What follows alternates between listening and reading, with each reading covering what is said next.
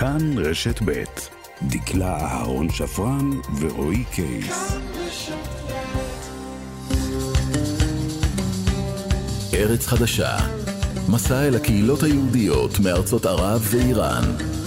סדרת משדרים מיוחדים לרגל 75 שנים לעצמאות ישראל.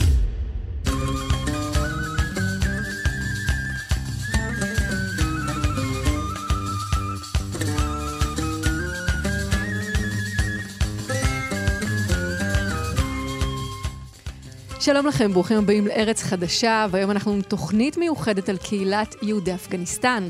רועי קייס, שלום. אהלן, דקלה, הגענו לקהילה קטנה, קדומה, מרתקת, אפילו מסתורית קצת. אבל מעבר לזה, אני רוצה לשאול אותך משהו, דקלה. את מתרגשת, נכון? לגמרי. כי זאת למעשה הקהילה שלך. שני ההורים שלך נולדו באפגניסטן, כפי שאני מבין, נכון? נכון. שנספר כבר עכשיו, מי נדבר פה היום? אז האמת היא שיש לנו אורחים מכובדים אה, מאוד. נשמע כאן את אה, אשר גול, שברח מאפגניסטן כדי שלא יגייסו אותו לצבא האפגני. הוא נתפס בדרך אה, לפקיסטן על ידי כוחות של מוג'הידין ועבר עינויים. הצליח להשתחרר רק לאחר שהועברו לשובים שלו סכומי שוחד נכבדים. נשמע גם על הגניזה האפגנית, כתבים נדירים וקדומים שנמצאו באפגניסטן, חלקם כתובים בעברית. דקלה, יש שם מסמכים בני אלף שנה, לא מדהים, פחות. פשוט מדהים. אה, ונשמע גם על השיפוט של בית העלמין באפגניסטן, וגם אה, מוזיקה אפגנית תהיה כאן. וגם תהיה כאן אורחת מיוחדת מאוד, דקלה, שנספר, אימא שלך. נכון. זה באמת מרגש. אתה יודע, יש לי אה, חיבור מיוחד לפרויקט הזה שלנו, ארץ חדשה, המסע הזה שאנחנו עושים אל ארצות ערב ואיראן כאן בתוכניות האלה שלנו. כן, ואנחנו היום רק נזכיר, אחרי שעברנו במסע שלנו עד עכשיו את מצרים, עיראק, סוריה, לוב, מרוקו, טוניסיה ואיראן. והיום אפגניסטן. אני מודה שזה באמת מרגש אותי במיוחד. אפשר לספר רגע מה, מאחורי הקלעים שלנו? בטח, ברור. אתה יודע, בתור עיתונאים, אנחנו רגילים בדרך כלל לא לדבר על עצמנו. אנחנו לא העניין, אנחנו לא הנושא. וגם כאן, במקרה הזה, היו לי התלבטויות לגבי אם מתאים לדבר עם אמא שלי. אבל בעצם המקרה הזה לא רגיל, כי כל המהות של הסדרה הזאת, של הפרויקט הזה, הוא חיבור לשורשים וחיבור לעבר. וכאן זה פשוט מתבקש. ממש. אז uh, בשלב הזה בואו uh, בוא ונגיד תודה לעורכת שלנו רחלי לוי, לטכנאי uh, יוסי תנורי. ולפני הכל, כתבנו עמרי חיים, כהרגלו בקודש, יצא לבחון מקרוב את קהילת יהודי אפגניסטן והכין תעודת זהות של האפגנים. הנה.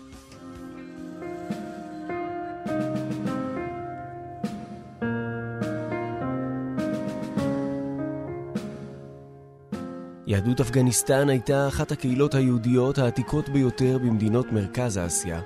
אין תמימות דעים באשר לשאלה מתי נוסדה לראשונה. יש מי שסובר כי הוקמה בסביבות המאות השישית או השמינית לפני הספירה. אחרים סוברים כי היהודים הגיעו לאפגניסטן רק מאות רבות של שנים לאחר מכן. על פי מסורות בני הקהילה הם צאצאיו של אפרנה, נכדו של המלך שאול בן קיש המופיע בספר שמואל. במאה ה-13 הלך ודעך כוחה של הקהילה היהודית בעקבות הפלישה המונגולית. ערים נחרבו, יהודים נאלצו למצוא מקלט בארצות אחרות. במהלך הדורות חלקם התאסלמו בעל כורחם, אבל שימרו מנהגים יהודיים. העולים הראשונים מאפגניסטן לארץ הגיעו בסוף המאה ה-19. באותן שנים מנתה הקהילה באפגניסטן כמה עשרות אלפים. בארץ נספרו כ-200 עולים שבאו מהמדינה. בעשרות השנים הבאות עלו עוד אלפים לארץ ישראל. סוף הקהילה היהודית באפגניסטן נרשם אך לא מזמן, בספטמבר 2021. אז החליט לעזוב מי שנתפס כאחרון היהודים במדינה, זבולון סימנטוב, את אפגניסטן, בשל השתלטות הטליבן על המדינה.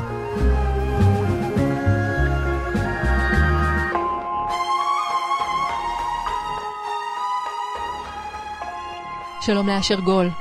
שלום. אנחנו מדברים איתך היום כדי לנסות להבין מה קורה באפגניסטן כשרוב היהודים כבר עזבו את המדינה, הרוסים כבר פלשו אליה, מה שקורה בעצם בכאבול בשנות ה-80.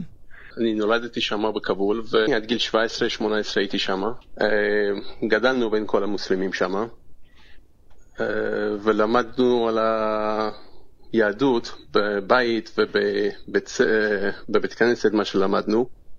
ואיך היו היחסים ביניכם לבין השכנים שלכם? Uh, המוסלמים שם היה איתנו בסדר, לא היה לנו בעיות איתם. לפעמים היה פה ושם, היה איזה אחד שמפריע או משהו, אבל כעיקרון כולם ידעו שאנחנו יהודים. מתי החלטתם לעזוב את uh, אפגניסטן? מה שהיה שם, שהרוסים באו, אז היה את המלחמה. אז uh, כל ילד שהיה מגיע בגיל מסוים, הוא היה, אסור לו לעזוב את המדינה, למה שהם היו שרים חיילים, וכל ילד היה צריך ללכת לצבא ולעשות את הצבא שם. בגלל זה, זה היה אחת מהסיבות שלא היו נותנים לאף אחד לשאת מאפגניסטן. זה לא היה רק בשביל היהודים שיהודים לא יכולים לעזוב, אלא כל עם, כל אחד לא יכל לעזוב. Mm. ניסינו לעזוב ולא יכלנו לעזוב, למה שלא היו נותנים דרכון, לא היינו מרשים לצאת. בכבול היה רוסים, מוג'הדין היו מסביב. אז מתי בעצם עזבתם? Uh, אני עזבתי בסוף 89, בנובמבר 89. Mm-hmm. זה היה אחרי שרוסים כבר עזבו, אבל הממשלת רוסים עוד היו שם, והיה עוד את המלחמה. והמשפחה שלי נשארו שם, אימא שלי והאחיות שלי נשארו שם עוד כמה שנים. אבל גם, גם הם עזבו, אני מבין ממך. הם גם כן עזבו, והם כולם, ברוך השם, עכשיו נמצאים בארץ. בגלל שהם היו, אימא שלי והאחיות שלי, הם היו נשים, היה להם יותר קל לקבל דרכון ולעזוב, אז הם יכלו לעזוב בדרך רגילה, לקחת אה, טיסה ולעזוב את אפגניסטן. אשר, אה, תספר לנו מה קורה בבוקר שבו אתה מתעורר ויודע שאתה עכשיו הולך לעזוב את כבול, בעצם לנסות לעזוב את אפגניסטן. אני לא יכלתי לעזוב את אפגניסטן דרך להגיד שכל אחד עוזב, אני הייתי צריך לברוח משם uh, בלי דרכון, בלי שום דבר, וללכת uh, דרך הערים ולצאת מהמדינה. Uh, זה סיפור בפני עצמו וזה לא היה כל כך קל. מה זה אומר לא קל? הייתי אז בגיל 17, וזה פשוט צריך לעבור בין כל מיני איים שתמצא באפגניסטן, בין המוג'הדין ובין הטליבן, וכל מקום היה מלחמה, ולעבור את המלחמה שהיה שם, וזה לא... זה לא היה, זה לא היה דבר קל. אני מרגישה שאתה אומר את זה בעדינות, אבל שבעצם זה היה מאוד קשה. נכון, נכון. סף הבלתי אפשרי. אה, נכון, היום שאני חי, ברוך השם, זה הכל נץ, איך שאני עזבתי את אפגניסטן ואיך שעשיתי מכל הבלגן שהיה לי בדרך, זה בפני עצמו זה נץ. אני רוצה לשאול אותך, אתה יודע, כמי, ש... כן. כמי שבאמת היה אה, שם עד זמן די מאוחר, אה, כלומר היית שם עד כמעט תחילת שנות התשעים, אתה מסתכל היום נכון. על מה שקורה באפגניסטן, באמת הייתה לנו את הפלישה האמריקנית, ובשנתיים האחרונות אה, טליבן השתלטו, הארגון האסלאמיסטי. אה, איך אתה רואה את הדברים האלה כמי שחי שם, ואתה מספר גם בסוג של הרמוניה יחסית עם, ה... עם האוכלוסייה המוסלמית? בזמן שאנחנו היינו שם, החיים היה אחר. נכון, היה מלחמה והיה בלאגן, אה, אבל אנחנו היינו גרים בכבול, וזה לא היה, המוג'הדין והטליבן הם לא היו שולטים בכבול. נכון שהיה כל יום, היו זורקים רקטות וכל זה על הכבול ועל כל מיני איים, אבל החיים היה כעיקרון, אני יכול להגיד שהיה נורמלי. זה לא היה קל לחיות במצב כזה, אבל היינו בתוך זה והתרגלנו לחיים כזה. אבל היום מה שקורה שם זה כבר סיפור אחר, זה המוג'הדין והטליבן והפנאטיות שנהיה שם, ו... הורגים אנשים בלי שום סיבה, זה כבר סיפור אחר, זה, זה כבר עולם אחר נהיה שם.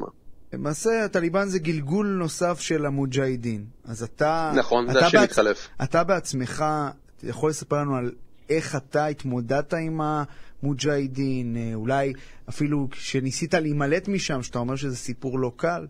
כשיצאתי מכבול, שברחתי משם כעיקרון, אז uh, הם תפסו אותי, והם חשבו שבהתחלה שאני מלגל רוסי, ואחרי זה ידעו שאני יהודי, והייתי אצלם בבית סוהר לתקופה, וזה היו אנשים שהיו גרים על הערים, וכעיקרון כל החיים שלהם זה היה רק מלחמה, שהיו uh, עושים את המלחמה עם הרוסים, והם כעיקרון עשו לי מה שעשו לי, אבל uh, זה לא, זה לא טליבן, זה היה מוג'הדין אז. Mm-hmm.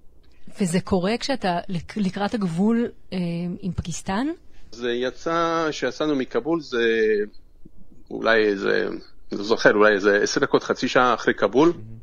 זה שם כבר הם תפסו אותי. זה כעיקרון איפה שאני הייתי אצלהם בבית סוהר, כעיקרון שם זה, היה שם מלחמה, וכל יום, מה זה כל יום? כל דקה היה איזה רקט נוחת באיזה פינה של איזה בית, או הממשלת אפגניסטן היה זורק עליהם, והם היו זורקים עליהם, ולילה היו אומרים לנו שאפילו להדליק סיגריה אסור לך, שלא יהיה שום אור, שהם יושבים שם ומסתכלים ויורים וזה. אז היינו מכבול אולי במרחק של, אני יכול להגיד, 15-20 מייל, שבסביבות 30 קילומטר, משהו כזה.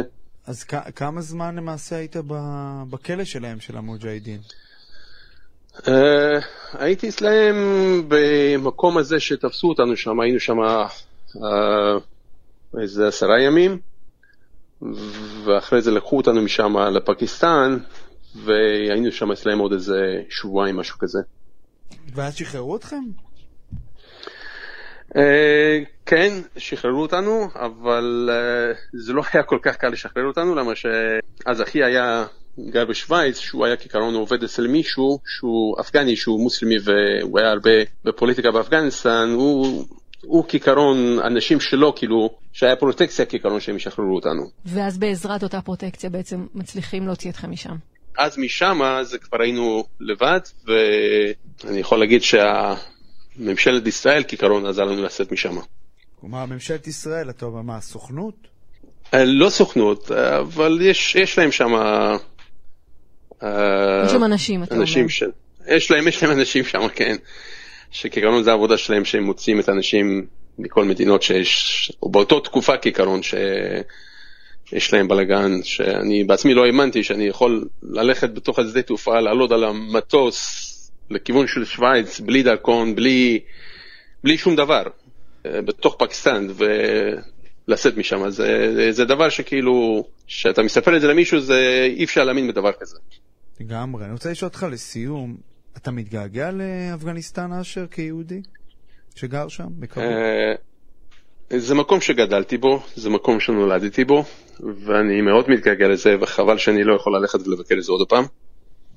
לא בשביל לחיות, אבל רק בשביל לראות את המקום שגדלתי, ומקום שהייתי. ואני יכול להגיד שזה היה מקום מאוד יפה, ואנחנו, עוד פעם, לא היה לנו שם שום קושי מבחינת, בגלל שאנחנו יהודים. זה היה חיים רגיל. אשר, תודה רבה לך על השיחה המרתקת הזאת. תודה שדיברת איתנו. תודה ששיתפת אותנו בסיפור המיוחד והלא פשוט שלך.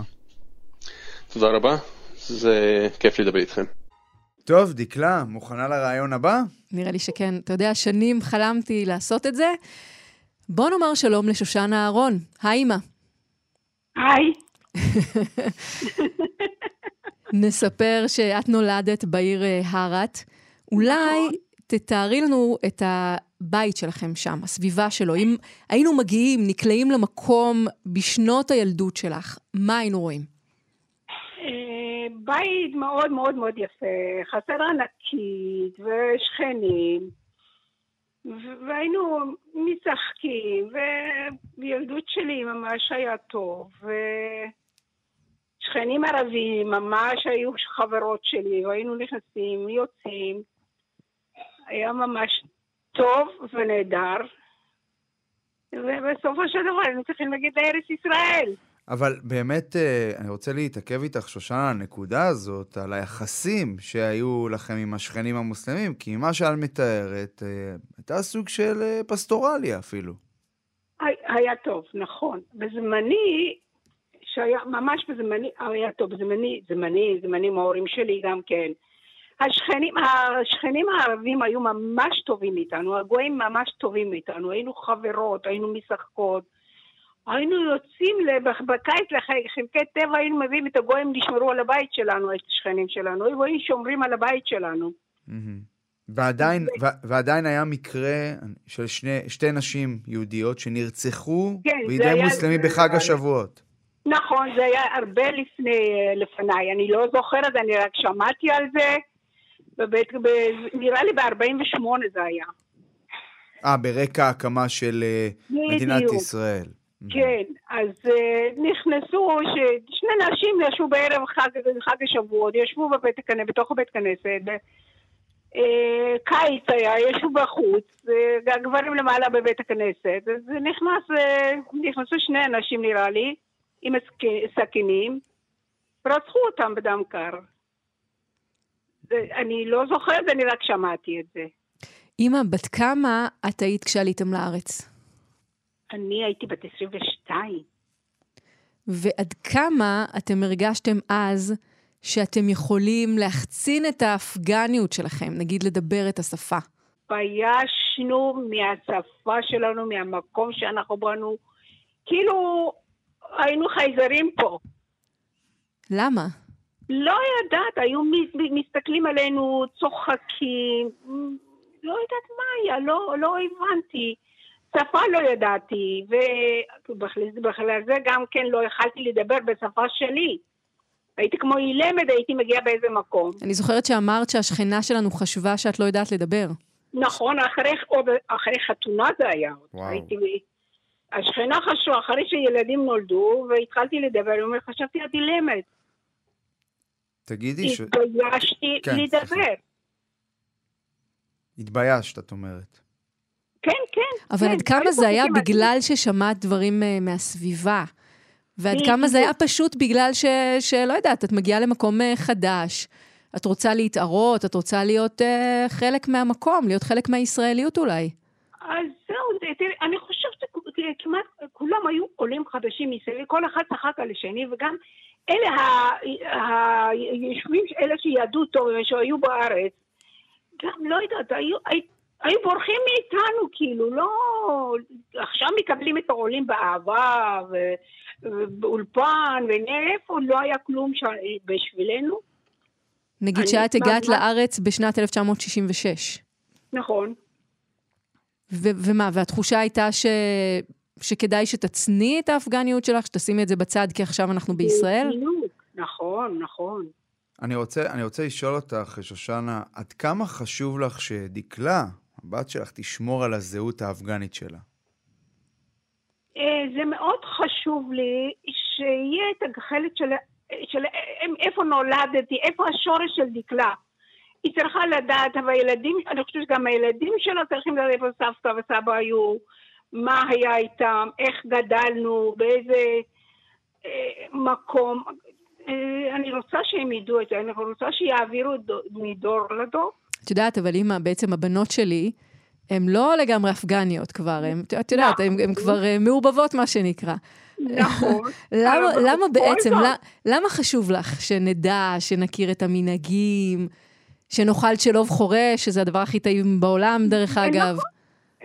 כל הנכדות שלי אוהבות את המאכלים שלנו, אז למה את המאכלים לא אוהבות? אמא שלי מבשלת, אתה פשוט לא מבין דברים כאלה. חבל שלא הבאנו לפה. כן, אמא, אולי... אי אפשר היה להריח את זה. אם אנחנו צריכים להכין כאן אה, לרועי, נראה לי, בהזדמנות קצת את אה, שלום חורש. אבל, אבל למה בעצם חשוב לך הדבר הזה? תנסי אולי להסביר. אה, לא יודעת למה, אני, אני יודעת שחשוב לי. לא, שיישאר בין, בין הילדים שלי והנכדים שלי מאיפה סבא של סבא וסבתא, באיזה, באיזה, באיזה מדינה היו, מה היה איתם, איך היה איתם. אה, מה המנהגים שלנו, המנהגים של החגים, המנהגים של... מנהגים, כל אחד יש לו מנהג אחר. אז אה, אני בדיוק לא יכולה להסביר את עצמי אולי, אז זה מה ש... אני, אני תמיד אני אומרת, אני אוהבת, אני רוצה שתדעו מאיפה ההורים שלך, מאיפה... אני, אני רוצה ללכת סבא וסבתא שלי, ואני יודעת, גם, גם הנכדות שלי צריכים לדעת איפה סבא וסבתא שלהם גדלו, באיפה, באיזה מצב, איך היה. אז זה נורא מעניין אותי שהם, רוצה, אני רוצה שהם ידעו את זה, זה לא יכולה מעבר לזה להסביר למה. טוב, אימא, אה, אנחנו אה, נגיע מחר. אני מחכה uh, כבר uh, לאוכל. רועי כאן מבקש טייק אווי שנביא לו גם. למה לא? בבקשה, מוזמנים. תודה רבה לך, שושנה, שושנה אהרון. איזה כיף היה לשוחח איתך. בהצלחה שיהיה. אמא, תודה. להתראות, אמא, ביי. שלום לבן ציון יהושע. שלום וברכה. חוקר, סופר, בן העדה האפגנית. אני רוצה לשאול אותך, אה, לקחת אותך אחורה, ולשאול אותך, כמי שחוקר את העדה האפגנית, מהיכן בעצם היהודים מגיעים לאפגניסטן? אה, השאלה באמת אה, חשובה. צריך לזכור שהיהודים הקדומים הם לא היהודים שגרו בדורות האחרונים. למרות שכל יהודי אפגני יגיד לך, אנחנו כבר אלפי שנים באפגניסטן, אני מהבדיקות שלי, מהמחקר שלי, אני ראיתי פני הדברים קצת אחרת. צריך לזכור שאפגניסטן נמצאת על דרך המשי. שדרך המשי שהתחילה מקייפנג בסין ונמשכה עד לספרד. דרך שהשיירות עשו במשך שנתיים. ו... אבל היו הרבה תחנות בדרך. וכל תחנה כזאת הייתה אתגר בהתיישבות יהודית, כי הרבה מהסוחרים, הדרך המשי, היו ממוצא יהודי, ואני אולי אצטט לך משהו מאוד מעניין, מנהל דואר ערבי, אבן חודייבה, במאה התשיעית, מספר על הפעילות של הסוחרים היהודים באותה עת, אז יש לך כבר מושג במה מדובר. בדיוק אני רוצה לשאול אותך על זה, אם אה, יש, אם יש, יש ממצאים יש. שהתגלו באפגניסטן שאפשר ללמוד מהם על נוכחות יהודית באזור. ודאי, ודאי. קודם כל נמצאו כתובות סלע עבריות על דרך המשי. וזה כבר אומר אה, אה, משהו. נמצאו גלוסקמאות בביירם עלי, ליד אה, מרב, נמצאו גלוסקמאות, אה, ארונות קבורה עם כתובות עבריות. והחשוב ביותר, במקום שנקרא, על גדת הארי רוד, במקום שנקרא גור, באפגניסטן, כן. התגלה בית קברות שלם, בית קברות שלם, אה, עם אה, עשרות רבות של קברים, ובקברים האלה אנחנו יכולים ללמוד על חיי היהודים אה,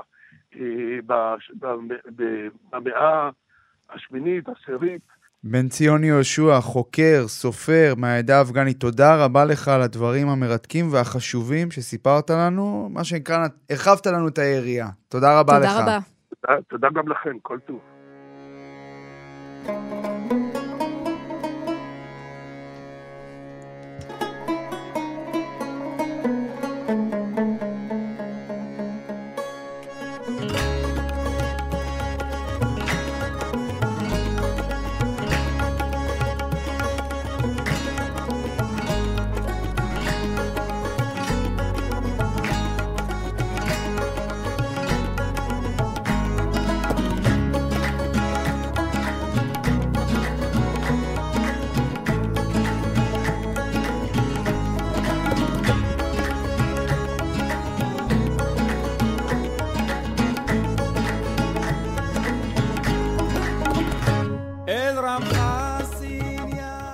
ועכשיו אנחנו עוברים לירון פאר, מוזיקאי. שלום ירון. שלום, שלום, שלום לכולם. מה אנחנו שומעים ברקע? אנחנו שומעים את הפיוט האפגני אל רם חסיניה. מהרה גואל לעם שבטיה. זה פיוט לסוכות, שכל בית מוקדש לאושפיזין אה, אחר. זה אחד הפיוטים המוכרים, אה, אני חושבת, של העדה, נכון? כן, זה נחשב ההמנון האפגני. באיזשהו אופן, האפגני יהודי, כן. אתה יודע, אני חושבת על זה שאתה בעצם נולדת בישראל, ואתה לא בן העדה האפגנית, לפחות בדם, ב-DNA. תסביר לנו את החיבור הזה עם המוזיקה האפגנית. אז אה, כן, אני אגיד שאני למדתי הרבה שנים את המוזיקה, למדתי בהתחלה מוזיקה ערבית מכל מיני סוגים, ובאיזשהו שלב הגעתי למזרח הרחוק. ולהודו, והתאהבתי שם בקוואלי ובמוזיקה שהיום היא שייכת גם לפקיסטן, אפגניסטן, זה, זה הרבה התחיל מאפגניסטן. וככה הגעתי לפיוטים האפגניים היהודיים, גיליתי אותם ופשוט התאהבתי בהם, והרגשתי קריאת נשמה, מה שאני קורא, שאתה שומע משהו, ואתה מבין שהוא קיים בתוכך עוד לפני ששמעת אותו. וואו. כאילו אתה שומע את זה מבפנים. זאת אומרת, זה חיבור ממש אז... חזק. כן, ופשוט גם. מדהים. יחד עם זה שהוא, כן, מאוד עמוק, ואז התחלתי לחקור את זה, והגעתי לתיעוד אמ, שעשה בזמנו אמ, ברנע, עזרא ברנע, אם אני לא טועה, במכון רננות. והם הקליטו את הזקנים של העדה, שרים, ואני לקחתי את זה ופירקתי את זה ופירשתי את זה, עשיתי איזה איזשהו תרגום מוזיקלי, כי זה לא כל כך מוזיקלי, זה יותר נשמע כמו תפילות. ובעצם ההרכב, הקוואליה, ההרכב שלי, אנחנו מבצעים הרבה מהפיוטים האלה. רגע, מה זה, מה זה קוואליה? אני, אני חייב לשאול אותך, מה זה? קוואליה, קוואלי זה הסגנון Mm. ה- של המוזיקה זה בעצם הסופית. הסגנון של המוזיקה הזאת, שמגיע אה, מהאזורים. הללו, נכון? יפה. כן. אה, אני מרים קריאה, לבוא, לשיר את הדברים האלה. אני- מלמד את זה, יש לי בסטו- ביפו סטודיו שאני מלמד את זה, ובלי קשר אליי גם, להרים את האוצרות האלה, זה הזמן. להתחבר למקום זמן הזה. הגאולה, לא מקסים. לחכות. ירון פאר, תודה, תודה רבה רבה. לך. תודה. טוב, בשמחה להתראות. שלום לשלמה יקותיאל. שלום וברכה. אתה מדבר איתנו מוונקובר בקנדה, והסיפור שלך מאוד מאוד מיוחד. אתה למעשה, ממש לפני כמה שנים, היית אחראי לשיפוץ בית הקברות היהודי בהארת. ספר לנו על זה. נכון, אה, לפני ב-1900, 2006. זה היה... אני הייתי מאז, אה, אני הייתי כמה פעמים באפגניסטן ו... וביקרתי בהרת, אבל אה, פעם, אה, פעם אח- אה, ב-2006 כשנסעתי לשם עוד הפעם, ראיתי שהמצב שם בבית הקברות לא כל כך טוב, לא נשמר כל כך טוב. למה? איך הוא נראה? מה היה שם? כיוון שהקירות היו עשויים מחמר וגם התפוררו במשך שנים. עכשיו אנחנו עשינו כבר קירות לבנים ומחוזקים, הכל מסודר מסביב. כלומר, ממש שמה- יוזמה, יוזמה אישית שלך לבוא ולש, אישית, לא ולשפץ אמר שם את בית. הקברות. אקזקטלי, בדיוק. אני, אף אחד לא אמר לי לעשות את זה, ואני גם לא חשבתי לפני זה שאני הולך לעשות את זה. וכשאתה מגיע לשם. כשאתה מגיע לשם באותם שנים, אתה צריך להסתיר את זה שאתה יהודי? זה משהו שצריך להצניע? במקום שאני, לא, בבית קברות עצמו לא. בבית קברות עצמו, אה, מי שעובד איתי, מי שזה, יודעים שאני יהודי וזה, אבל בתוך העיר עצמו, מי, מי צריך לדעת מי אני? כלומר, אתה מגיע עם אזרחות קנדית, אתה יפ, כן, דובר אה, אנגלית, ובעצם אין, אין צורך שמישהו ידע לא, שלמעשה אתה יהודי, לא. יליד אפגניסטן. לא, לא. לא, לא, לא. אני גם דובר את השפה המקומית, אביאס, כן, ב- בוודאי. אז אני לא, לא, היה לי אף אחד לא, בתוך אפגניסטן עצמו, אף אחד לא, לא יודע מי אני. כן. את- אתה היית שם יש בפעם פה- האחרונה באפגניסטן, מתי היית שם? 2006, 16, סורי, סליחה. 2016 היית שם. פעם פעם אחרונה. כן, מאז כבר לא, לא ביקרתי. אני בקשר איתם, מה נעשה וכל זה, אבל אני לא, מאז לא ביקרתי. לא. אתה, אתה יודע, בשנתיים האחרונות אה, לא מעט דברים השתנו יש- באפגניסטן. כלומר, הטליבן בוודאי, חזר בוודאי, לשלטון, כן. האמריקנים יצאו, והשאלה שלי, נכון. דווקא בהקשר הזה של הבית קברות והפרויקט המיוחד שלך, פרויקט אישי, איך אפשר להבטיח שבאמת בית הקברות הזה אה, לא ייפגע, וכלומר, השיפוט שלך, מה שנקרא, אתה יודע, יישאר, אה, יישאר תקף. ב- בוא נגיד לך ככה, הם, הם המקומיים לא, הם לא עשו שום דבר אה, מיוחד ללכת להרוס את זה. זה דבר ראשון. אין אין להם סיבה ללכת להרוס את זה. חוץ מזה, יש שם, אה, בזמנו, כשהיהודים עזבו, נתנו אה, מהבית קברות חלקה קטנה לבן אדם שגר שם, משפחה שגרה שם, והיא שומרת על זה, על המקום, והיא גרה שם. משפחה מוסלמית ששומרת על בית העלמין היהודי. בדיוק, בדיוק, בדיוק. אתה יודע, אה, שלמה, מעבר לסיפור הזה של אה, בית הקברות, שעבורך, אני מתארת לעצמי, הוא ממש סוג של מפעל חיים, יש גם את הסיפור האישי שלך. אתה עלית מאפגניסטן לישראל, ואז בחרת לעבור לקנדה, נכון? עברתי גם קנדה, אבל לא ב- בכוונה, ככה התגלגלתי לשם, ו... התגלגלת לשם. איך זה קרה? תראי, יש שני ערים בעולם שהם הכי, יש להם אה, משהו ייחוד. עיר אחת זה ירושלים, שיש בה את הרוחניות, ועיר אחת זה ונקובר, שיש בה את הפ- את הפיזיקל, את מראה הנוף וכל זה. נשארתי שם. מדהים. הבנו. Yeah, ו- וזהו, גדלתי ויש לי משפחה, אני נשוי, אה, התחתנתי עם אה, ישראלית. יפה מזה, מאוד. ויש לי ברוך השם משפחה והכל אה, מסודר, הבנות שלי נשואות כבר, הם יהודים, הכל, זה דבר חשוב פה. נקווה שמתישהו, אולי, אולי תוכל uh, לחזור לשם, uh, גם על אף, על אף מה שאתה אומר שאתה... על אף כל זה, ונקווה שהמצב שם, נקווה גם שהמצב שם ישתפר. כן, שלמה יקותיאל, מי שלמעשה שיפץ את בית הקברות בערד, מדהים. תודה רבה לך על השיחה הזאת. שלמה, תודה. תודה רבה לך. שלום. רועי, אתה יודע, אנחנו מדברים כאן על ההיסטוריה והתרבות וכל מיני סיפורים שקשורים ליהדות אפגניסטן, אבל עכשיו נראה לי שהגיע הזמן לפתוח פרלמנט. מה דעתך? יאללה, דקלה, אני בעד. בואי נצרף לשיחה שלנו את קובי דילמוני ואת בני דיל. בני איתנו? אהלן. תראו, האמת היא שדיברנו uh, מקודם על זה שבאופן כללי מדובר בקהילה קטנה מאוד, ואיכשהו יש קטע כזה שאם אתה פוגש uh, אפגני אחר, אתה ישר מנסה להבין, לא אם אתם קרובי משפחה, אלא מה הקרבה המשפחתית ביניכם, נכון? יש קטע כזה. כן, כן לגמרי, לגמרי.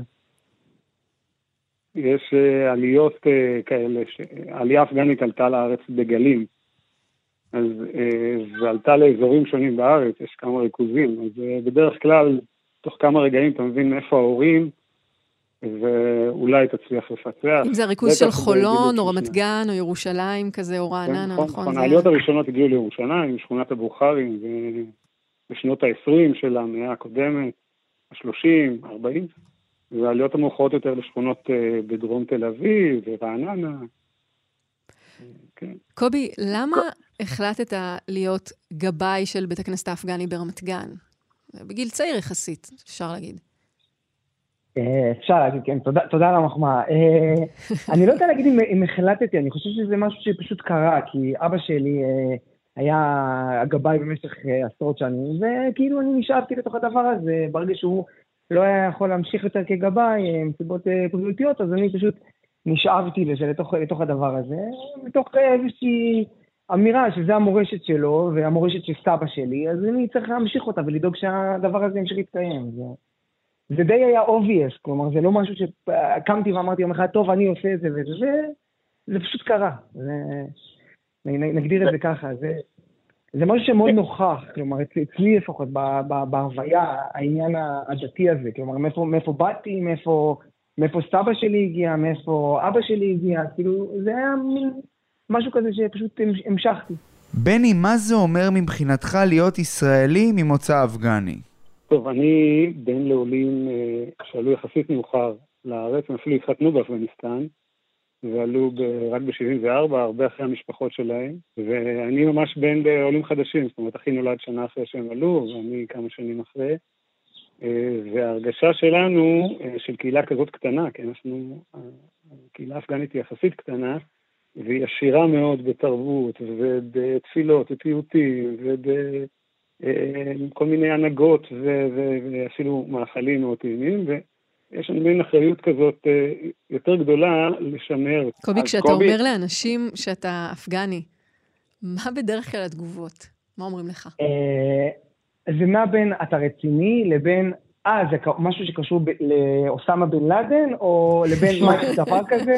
כאילו זה, זה פחות או יותר המנעד. אה, אלא אם כן, שוב, אלא אם כן במקרה זה מישהו שהוא אפגני גם, ואז, רגע, מי זה אבא שלך? מי זה אמא שלך? אנחנו מכירים, סבא שלי היה עם אבא שלך ומשהו כזה. זאת אומרת, אם, אם זה מישהו שהוא מהעדה, זה תמיד, כמו שאמר דקלה, זה תמיד החיבור המשפחתי הזה, איכשהו. ואם זה לא מהעדה של הרוב, זה מה שקורה. זה נע בין פליאה לבין אה, מחשבות שאני עובד עליהן, או שאין דבר כזה בעצם. זה, זה, זה, זה מאוד ייחודי, נגדיר את זה ככה, זה שונה לפחות מכל מה שאני מכיר מעדות אחרות. כלומר, אה, אני מיוצא מרוקו, אוקיי, אז יש, יש הרבה, אה, אני מיוצא תימן, יש המון. אני, אני אפגני, מה? אין, אין דבר כזה באמת, זה משהו מומצא. טוב, בני, בוא נדבר תכלס. מה מאפיין את היהודים האפגנים? אה, טוב, קודם כל זו קהילה מאוד שורשית, אה, עם מסורות מאוד מאוד מדויקות. רוב הקהילה הגיעה מגירוש יהודי משד, זאת אומרת, זו קהילה מאוד מרוכזת, אה, הגיעה גם לאפגניסטן, ודרך ההגעה שלה לאפגניסטן גם סרבלה הרבה רדיפות וקשיים. וזה יצר קהילה מאוד מלוכדת עם הרבה מאוד התייחסות לעבר, למורשת. אה, אני חושב שכמעט אין אפגני שלא יכיר פיוטים אה, ייחודיים של אפגנים, גם אם הוא דור שני, גם אם הוא דור שלישי. אה, וככה אני מוצא, בדומה להרבה מאוד קהילות אחרות. היא, היא אגב שוט, אני, אני יכול להגיד שחלק מההנהגות ומה, ומה, מגיעים מהדברים שמסמלים עדות, כמו למשל סוג האתרוג, או הספרים שבהם, שאותם הביאו מחוץ לארץ, היו דווקא, למרות שאנחנו יהודי ספרד, קשורים לעדות המזרח, היו דווקא הגיעו מרוסיה דרך ההשפעות של, של ברית המועצות, וזה כזה מישמש כזה גם, ב, גם, ב, גם במנהגים. אה, רועי, אני חושבת שאולי נוכל לשתף אותם בשיחה עם מרגול, מה אתה אומר? לגמרי. תראו, אני, אני חייבת לספר לכם, הייתה לרועי ולי שיחה עם מרגול על הפרויקט שלנו, ארץ חדשה, ובשיחה הזאת היא אמרה שהאוכל האפגני, ואני מצטטת, הוא אימא לטעים. ממש. היא עפה עליו. אז זה הזמן לשאול אתכם, רק שלא תגיד לנו פתאום זה אוכל שהוא לא אפגני. אז, אז זהו, אז אני רוצה לשאול אתכם, מה המאכל האפגני הכי טעים שיש? אה, אני חושב שיש פה תמימות דעים, אה, דקלה.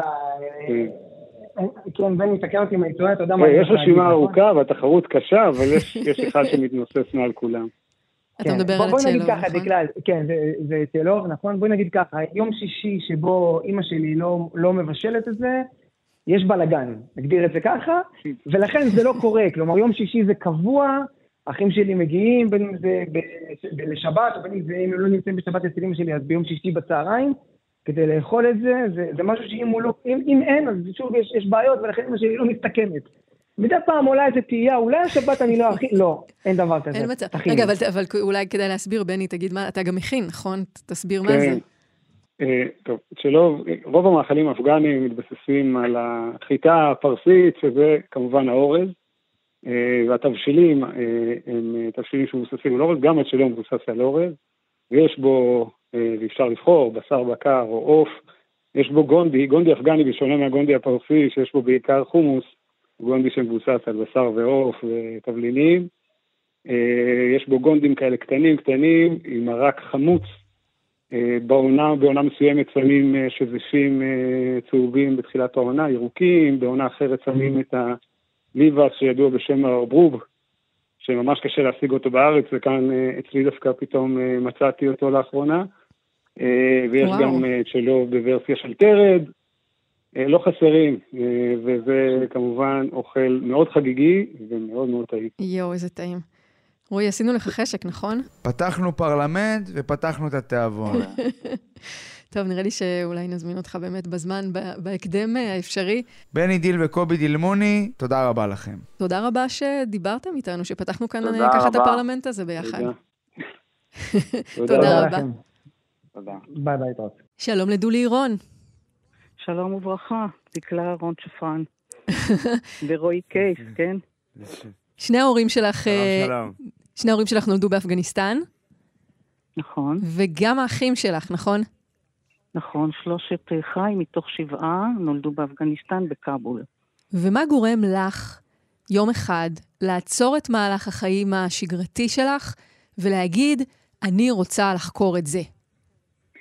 נכון, שאלה מאוד מעניינת ומרתקת. אה, אני לידת הארץ, צברית מצוברת, אה, הקמתי יישוב בנגב, ניצנה, עבדתי שנים עם לובה אליאב, הייתי בשליחות בספרד, הקמתי יישוב בגליל, אנחנו גרים בגליל, בכורזים שמעל הכנרת. אה, ויום אחד, לצערי, עברתי תאונת דרכים מזעזעת, וכמורת דרך לא יכולתי לזוז. ומאוד אה, מאוד נעצבתי, ואז אמי באה לי בחלום ואמרה בשפה האינדו-אירופאית, הלא היא אפגנית, דוכטר ג'ון, חיילי קריינה קון, ילדתי היקירה, אל תבכי כל כך, שימי כחל בעיניים ואודם בשפתיים וספרי לעולם על יהדות אפגניסטן. אני בעצם מעולם לא דיברתי את השפה, ההורים דיברו, אבל את יודעת, כמו כל צבר אמרנו, אוי, אל תדברו את השפה, בטח לא ליד אנשים וכולו וכולו.